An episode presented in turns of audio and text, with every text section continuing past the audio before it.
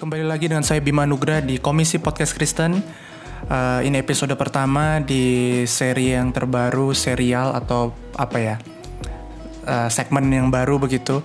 Yaitu saya ingin membahas tentang ateisme, khususnya saya beri nama ini uh, segmen ini adalah menjawab ateisme begitu ya. Dan di episode pertama ini saya akan membahas uh, mengenai the moral argument for the existence of God atau argumen moral untuk keberadaan, keberadaan Tuhan. Dan kurang lebih segmen ini akan membahas di juga episode-episode berikutnya begitu ya mengenai bagaimana kita mengcounter dan berargumen khususnya ketika kita berapologetika melawan ateisme. Dan uh, podcast ini, episode ini dan yang selanjutnya saya rasa saya akan bawa dengan lebih santai gitu ya. Jadi nggak akan terlalu kaku. Jadi kalau mungkin ada salah-salah dikit ya, jadi santai aja lah gitu ya. Jadi kurang lebih gitu. Semoga teman-teman terbantu dan kalau teman-teman ingin bertanya mengenai uh, ateisme dan lain-lain begitu ya, langsung saja ke Instagram saya di @experiencereal. Itu saya atau cari aja lebih manugrah gitu. Di situ saya pakai Instagramnya. Ada akun saya di situ dan teman-teman bisa langsung aja DM nanti coba kita lihat gimana apakah kita bisa berdiskusi langsung atau kita perlu zoom dan lain-lain. Oke langsung aja. Kurang lebih uh, ateisme pada dasarnya adalah kepercayaan yang menolak adanya Tuhan. Dan sebenarnya di dalam dunia ini ada banyak hal yang uh, secara kalau kita pakai pemikiran ini ya, kemungkinan atau probabilitas ada lebih banyak kemungkinan ada Tuhan dibandingkan tidak ada. Walaupun mungkin uh, ada beberapa yang ya akhirnya membuat kita mempertimbangkan bahwa Tuhan itu tidak ada, tetapi lebih banyak ya kalau kita lihat sekali lagi dalam probabilitas itu lebih banyak uh, kemungkinan untuk dan argumen yang menyatakan bahwa Tuhan itu ada.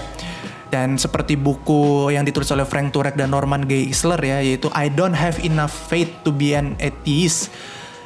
Atheist ya, atheist saya nggak terlalu tahu bacanya ateis itu dalam bahasa Inggris apa. Kurang lebih buku itu mengatakan saya tidak punya iman uh, yang cukup untuk menjadi seorang ateis karena ya memang lebih banyak iman yang dibutuhkan untuk mempercayai bahwa Tuhan tidak ada dibandingkan Tuhan itu ada begitu. Dan salah satu argumen yang menunjukkan bahwa Tuhan itu adalah itu ada adalah uh, the moral argument ini atau argumen moral yang mengatakan uh, kalau kita buat dalam bentuk premis dan kesimpulan uh, itu bisa dikatakan seperti ini teman-teman. Premis satu yaitu jika Tuhan tidak ada maka objektif moral values atau uh, moral yang objektif itu tidak ada. Oke, okay? jika Tuhan tidak ada maka moral yang objektif pun tidak ada. Premis kedua, moral yang objektif, nilai moral yang objektif, tanggung jawab moral yang objektif itu ada.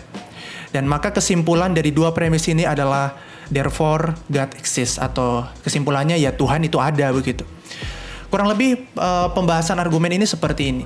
Kalau memang tidak ada Tuhan, maka moralitas dan misalkan tidak boleh membunuh, tidak boleh mencuri, tidak boleh berbohong, jangan berbohong, jangan mencuri itu semua ya aturan-aturan moral itu itu akan tidak akan uh, menjadi objektif dan malah menjadi subjektif begitu. Karena tidak ada standar yang bisa kita rujuk sebagai manusia di luar diri kita yang akhirnya kita bisa merujuk pada satu nilai itu dan akhirnya itu menjadi sebuah hal yang objektif.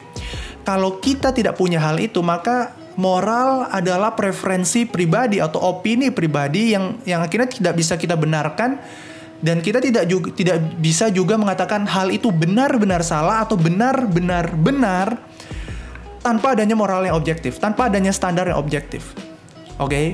misalkan nih, saya mengatakan uh, moral yang uh, bukan, saya mengatakan jangan mencuri, oke, okay? jangan membunuh. Tetapi di satu sisi yang lain ada orang yang mengatakan oh tidak apa-apa, tidak apa-apa membunuh, membunuh itu tidak salah asalkan itu untuk menyenangkan diri saya, menyenangkan suku saya, saya tidak apa-apa untuk membunuh. Contohnya Nazi. Nazi membenarkan pembunuhan kepada orang Yahudi dan dia mengatakan ya itu hal yang sah-sah saja bukan? Mereka melakukan itu. Dan kalau tidak ada hal yang objektif, tidak ada standar yang objektif, maka Nazi pun adalah tindakan Nazi bisa di, dibenarkan dong? Toh standarnya dirinya sendiri kok mereka sendiri. Kita tidak bisa mengatakan Nazi itu salah karena mereka mengikuti standar yang mereka buat. Dan ini adalah dunia yang akan menjadi dunia yang tidak apa ya, tidak tidak damai dan tidak uh, baik begitu kalau kita menganggap moralitas adalah sesuatu yang bersifat uh, perspektif pribadi begitu. Tapi kenyataannya tidak kan. Kenyataannya kita menganggap di mana pun dan kapan pun membunuh itu adalah hal yang salah. Dan itu tidak bisa dibenarkan, tidak ada dasar yang kuat bagi kaum ateis. Kaum ateis tidak bisa justify morality itu. Oke, okay? tetapi orang teistik, khususnya orang Kristen, mendasarkan moralitas pada natur Tuhan yang tidak berubah. Dan dia adalah kasih, Allah kita adalah Allah yang kasih begitu ya. Sehingga moralitas itu bergantung pada natur Allah yang kasih itu.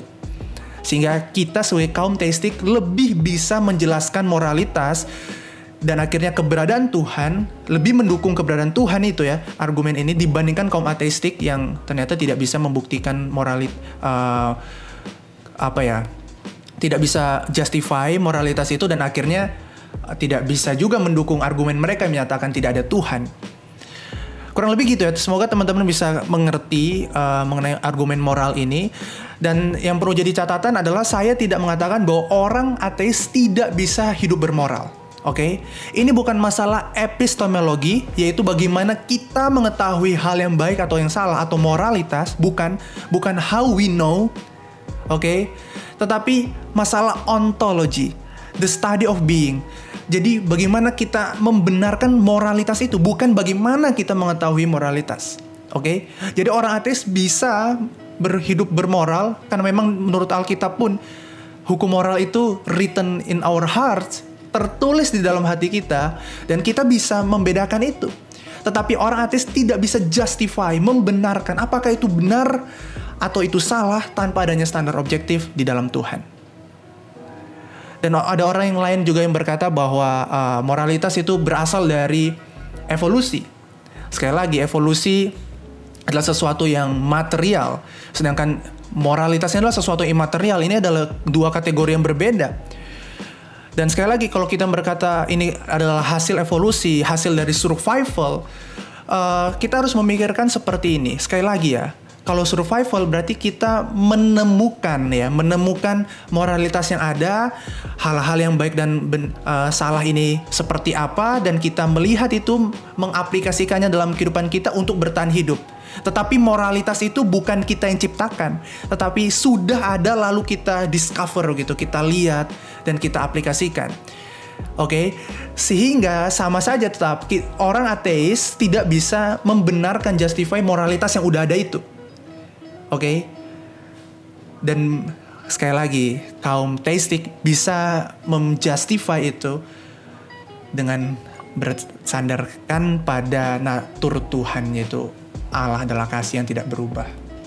Sehingga memang uh, ini adalah sesuatu yang penting ya bagi kita sebagai orang percaya dan juga teman-teman yang mungkin bergumul dengan ateisme, teman-teman yang bergumul dengan Tuhan gitu ya mungkin teman-teman bisa merefleksikan mengenai argumen moral ini.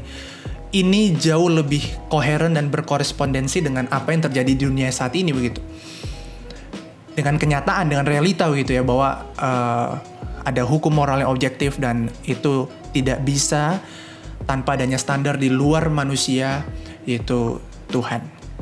Dan yang terakhir uh, mungkin moralitas juga berbeda ya tiap negara dalam artian hukum berbeda. Tetapi dan juga mungkin masyarakat peradaban itu memandang moralitas dalam hal berbeda. Misalkan dulu ada perbudakan dan lain-lain dan sekarang semakin membaik begitu dan akhirnya kita sekali lagi berkata moralitas itu berkembang. Tapi sekali lagi itu masalah sosiologi. Itu masalah bagaimana masyarakat saya itu memandang moralitas dan mungkin itu salahnya masyarakat, bukan moralitasnya. Sekali lagi moralitas tetap seperti itu dan itu di luar diri manusia, bukan diciptakan oleh manusia dan itu bergantung pada standar yang objektif yaitu Tuhan. Tanpa itu kita tidak bisa justify dan kita tidak bisa menyatakan bahwa orang itu berbuat salah, benar-benar berbuat salah. Kita, saya bisa saja menam, uh, menampar saudara begitu ya tiba-tiba dan saudara tidak bisa mengatakan saya salah karena saya mengatakan menurut standar saya menampar itu benar begitu ya. Jadi kurang lebih begitu. Ini ada sesuatu yang tidak bisa uh, dipaksakan begitu di dalam dunia ateisme khususnya di dalam moralitas ini dan saya rasa ateisme gagal membuktikan bahwa Tuhan tidak ada. Malahan dengan mengatakan uh, Tuhan tidak ada, ya mungkin ateisme harus memberikan argumen jauh lebih kuat, jauh lebih banyak untuk membuktikan itu dan saya rasa akan menjadi sangat sulit. Dan saya akan mencoba membahas uh, hal-hal uh, argumen lain di episode selanjutnya. So teman-teman silahkan bisa menunggu dan uh, stay tune aja ya di Komisi Podcast Kristen menjawab ateisme. Terima kasih, Tuhan memberkati.